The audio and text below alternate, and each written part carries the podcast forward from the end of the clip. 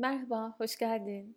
Burada e, ilk başta Spotify kayıtlarına başlarken bir amacım vardı. Görme engelliler için yazılarımı okumakta ya da görmekte zorlanan ya da okumak istemeyen, sadece dinlemek isteyen kişiler için. Ara ara bu amacımdan saparak konuşmalar bıraktım. Ara ara sadece yazdıklarımı okudum. Şimdi e, hatırladığım birkaç yazım var son dönemde. Çok sık önüme çıkan beğenilerle, yorumlarla ya da te- özelden gelen mesajlarla, teşekkürlerle bir şekilde gündemde olan. Bunun bu kadar gündemde olması yine aslında kolektif olarak o enerjiden geçtiğimizi de hissettiriyor bana. Bu nedenle e, burada bu yazılarımdan birini paylaşmak istedim. Fotoğrafıyla başlayayım. Sengalen Meydanı'ndaki Mother Tree ismini verdiğim, anne ağaç ismini verdiğim ağaç. Onun altındayım. E, sisli bir hava var. Hatta tamamen sis. Arkadaki binalar görünmeyecek bir şekilde. E, ben de bir karınca gibi görünüyorum ağacın altında. Bu ağaçla ilgili bir hikayem var. Okumadan önce o hikayeyi seninle paylaşmak istiyorum. E, çok uzun süre hamileliğin, anneliğin şöyle bir şey olması gerektiği hakkında bir e, şeyim vardı, fantazim vardı kendi içimde. E, ve birçok arkadaşıma bu hep çok komik geldi. Şöyle diyordum, bir gün bir an olmalı ve o an e, bebek artık hani bir şekilde anneyle ruhsal olarak bağ kurarak ben geliyorum, evet ben gelmeliyim demeliydi ve kadın buna hazır olmalıydı. E, ütopik bir düşünce gibi durabilir çünkü e, spiritüalizmin çok içinde olan arkadaşlarım buna kahkahayla güldüler ve bebek ben geliyorum diyecek ha ha falan.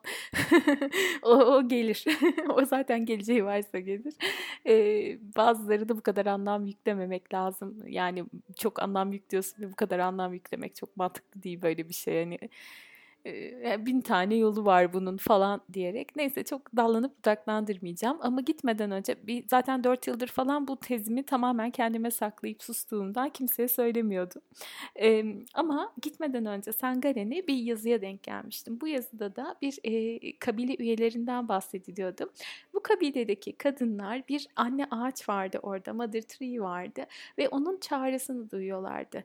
Bir ruh onları seçtiğinde, doğmak istediğinde o ağacın altında altına gidiyorlardı ve gelecek olan ruhun kendine özel bir şarkısı oluyordu. Bu şarkı çok özel bir şarkıydı. Hayatı boyunca onun şarkısı oluyordu. O bebeğin şarkısı oluyordu. Ve o ağacın altında o şarkının kalbine gelmesini bekliyorlardı.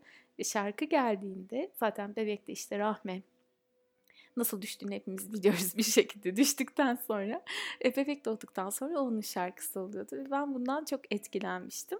Şehre gittiğimde de o ağacı çok beğenmiştim ve altındayken e, önüme çok güzel bir dal düşmüştü. Bir yılan başı gibiydi ve bakarken demiştim ki sen Mother Tree olmalısın, buranın anne ağacı olmalısın. E, hatta bir story'imde bunu paylaşmıştım ve sonra inanılmaz bir şey olmuştu. E, şehirdeki her günüm o ağacın altında tek başıma oturarak geçmişti. genellikle sislerin içinde ve gerçekten çok sessiz bir alandı. İşte e, orada olduğum sürede bir e, fotoğraf paylaştığımda daha önce benden birkaç hafta önce oraya eğitim için gitmiş olan bir arkadaşım bana şey demişti. Yeliz e, yani eğitim aldığımız konu Theta Link olduğu için kurucusu da Vayana Stable olduğu için Vayana bu ağaçtan Mother Tree diye bahsetmiş ve sen bunu hissetmişsin inanamıyorum diye. Gerçekten de o eğitimlerden birinde meydandaki o ağacın anne ağaç olduğunu çok kıymetli bir ağaç olduğunu söylemiş ve e, şehre gittiğimde tam da onun gövdesine sarılmışken bana bir dal hediye etmiş gelmişken sen anne ağaç olmalısın demiştim. Ee, enteresan ve inanılmaz tesadüfler. Tesadüfün yanına parantez açıp ünlem işareti koyuyorum. Şimdi altına yazdığım yazıyı okumak istiyorum. Sonra onun üstünde de kurtlarla koşan kadınlardan bazı şeyler ekleyeceğim. Geçtiğimiz gecelerden biri. Mother Tree'nin anne ağacın önündeyim. Kucağımda kurtlarla koşan kadınlar ve çevremde neredeyse hiç kimse var. Donmayla karışık bir atmosferde bir gece bir üzüntü anında ansızın karşıma çıkan ve üç haftadır içimi oya oya okuduğum o bölümdeyim. Aslında bir ayıyı anlatıyordu bölüm. Sonra birden kurumuş ağaçlar diye bir ara bölüme geçti. Ağacın altındayım. Tek başıma ama yalnız değilim. Bitmeyen çan seslerini duyuyorum. Kurumuş yapraklar ayağımda, yanımda, hatta bir tanesini alıp kitabımın arasına koyuyorum. Öfkeyi anlatıyor bölüm öfkenin nasıl dönüşebileceğini. Hiç elinden gelenin en iyisi buydu cümlelerine girişmeyin yaranız tazeyken diyor. Bu turnikedir ve sizi uzun zamanda hasta eder. Ben de Tetailing'de yara bandı diye anlatırım böyle birkaç çalışmayı. Kalbinde bir ok varken durur ve yara bandı niyetine sadece nefes alırsın. Ama büyük çalışma kapıda bekler. Bu büyük çalışmaların dönemindeyiz. Clarissa öyle bir yerden girmiş ki gece olurken soğuktan mı şoktan mı titredim ağacın altında. Sonra dayanamadım. Son üç sayfada bıraktım. Hala da okuyamadım. Ama kurt puslu havayı, akrep şifayı sever. Tam zamanı. Belki bilmek istersiniz diye. Yunanistan gezimde paylaşmıştım. Hatta sabitledim hikayeme. Yol kenarında burada ölen biri var anlamına gelen küçük kilisecikleri. Onları örneklemiş Clarissa. Bir kadının demiş, 20 yaşına gelmeden bunlardan bin tanesi olur hayatında. Descansos, ölümü belirten bir simgedir. Orada bu kişinin ve başka kişilerin hayatını sonsuza dek değiştiren bir şey yaşanmıştır. Bunlar derin trajedilerdir ve tüm trajediler gibi yaslarının tutulması gerekir. Özetle demiş ki, alın kalemi kağıdı bir sayfaya çizin ölüm anlarınızı. Bunlar gidilmemiş yollar, kapanmış patikalar, pusular, ihanetler ve ölümler gibi dönemlerdir. Önce anımsayın, sonra kutsayın, sonra bırakın unutun diye de eklemiş. Bir yere gitmek için yola çıkan ama asla ulaşamayan yönleriniz için deskansolar yapın demiş. Ölüm mahali, karanlık anlar ama acının sevgisidir de bu simgeler. Şimdi gökyüzünün tam mevsimi diyerek bitirmişim. E, Akrep ayındaydık çünkü. E, şimdi de tutulmalar ayındayız. Gökyüzünün her zaman e, bir sebebi var ararsak. Kitaptan devam etmek istiyorum. Biraz okumak istiyorum kitabın altını çizdiğim e, bu cümlelerini. Açıkçası ne okuyacağıma da bakmadım. Sadece tam sayfasını açtım e, ve eminim uygun olacaktır. Şöyle diyor Clarissa. Hayatlarımızda genellikle orta yaşlarda ister acı verici olsun ister olmasın karar vermemiz gereken bir an gelir ve bu karar gelecekteki hayatımızın muhtemelen en önemli psikik kararıdır. Kadınlar bu noktaya çoğu zaman 30'larının sonunda ya da 40'larının başında ulaşırlar. Kulaklarına kadar her şeyle dolu oldukları bir noktadadırlar ve artık bıkmışlardır. O son damla bardağı taşırmıştır ve bitip tükenmişlerdir. Yirmili yaşlarının düşleri buruşturulup atılmıştır. Kalpler kırılmış, evlilikler bozulmuş, sözler tutulmamış olabilir. Uzun süre yaşayan bir beden enkaz biriktirir. Bundan kaçınılamaz. Ama eğer bir kadın kine boğulmak yerine içgüdüsel doğasına dönecek olursa yeniden canlanır, yeniden doğar. Kurt yavruları her yıl doğarlar. Bunlar genellikle toz toprakla kaplı, küçük, inildeyen, uykulu gözlü, siyah kürklü yaratıklardır. Ama hemen uyanık, oynaşan, sevimli, yakınlık ve rahatlık isteyen yaratıklar haline gelirler. Oynamak isterler, büyümek isterler. İçgüdüsel ve yaratıcı doğasına geri dönen kadın, hayata geri döner, oynamak ister, daha da büyümek ister. Hem genişliğine hem de derinlemesine. Ama önce bir temizlik yapılması şarttır.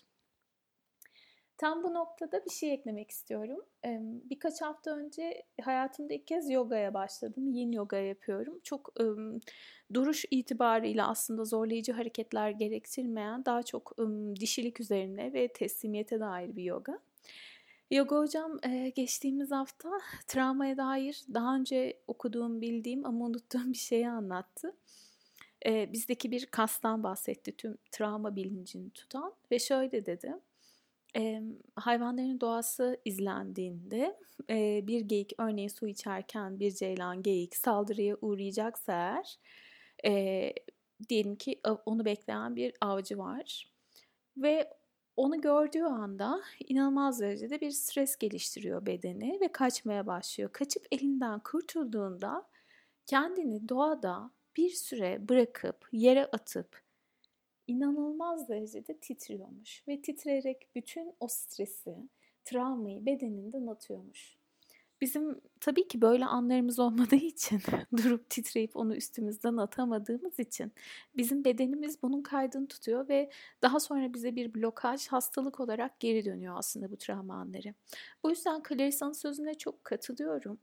Önce bir temizlik yapılması şart. Yeniden oyunculuk için. Çünkü o geyik, ceylan oradan kalktığında hayatında eskisi gibi devam edebiliyor. Sanki hiç o anı yaşanmamış gibi. E, biz de onun gibi davranıyoruz ama tek farklı. Biz titreyip bedenimizden o travmayı atmadan böyle davranıyoruz ve yara bandı geliştiriyoruz. Aman elinden o kadar geldi, onun da yapabileceği o kadardı, onun da hayatının zorlukları vardı. Değil, değil. Bu kadar kabule geçmeden önce bir an var, bir e, öfke ve isyan anı var. Kitap aslında bu öyküde en çok ondan bahsediyor. O öfkeyi yola getirmenin bir ayının kılını çekmek kadar zor bir yolculuğu da olabilir içimizde. Ama istiyoruz ki 5 dakikada bu duygular hemen çekilsin, gitsin, olsun. Benim çalıştığım teknikte de bunları o anlığına alabileceğiniz bir şey var ama işin aslı oraya bir bakmak gerekiyor. Ve bazen bu bir süreç de gerektirebilir. Bu da okey. Şimdi e, bundan sonrasında altın çizdiğim bayağı bir şey var. Onları okuyup kaydı bitirmek istiyorum. Şöyle diyor. E, Descansos, ölümü belirten bir simgedir. Tam orada, tam o noktada birinin hayat yolculuğu beklenmedik bir şekilde sona ermiştir. Bir araba kazası olmuştur ya da biri yolda yürürken ve sıcak çarpmasından ölmüştür ya da bir kavga meydana gelmiştir. Orada bu kişinin ve başka kişilerin hayatını sonsuza dek değiştiren bir şey yaşanmıştır.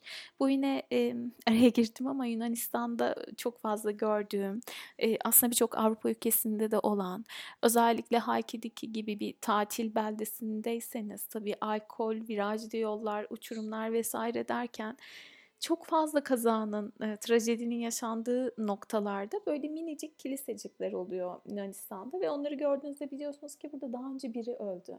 Bazı noktalar o kadar tehlikeli ki aslında tehlikeli olmasa bile e, elbette tehlikeli olabileceği alkol vesaire gibi koşullarla.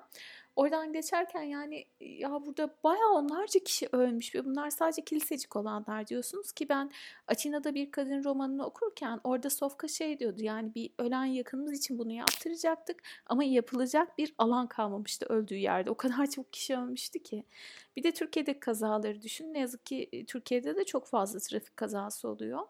Ve ben hep şöyle düşünüyorum. Gerçekten o kazanın olduğu noktaya bir şey koysak bilsek ki orada biri o hani mesela şu an koronadan ölen kişi sayısı 41 diye duyuyoruz ya da 16 diye duyuyoruz. O 16'nın içinde bizim bir canımız yok.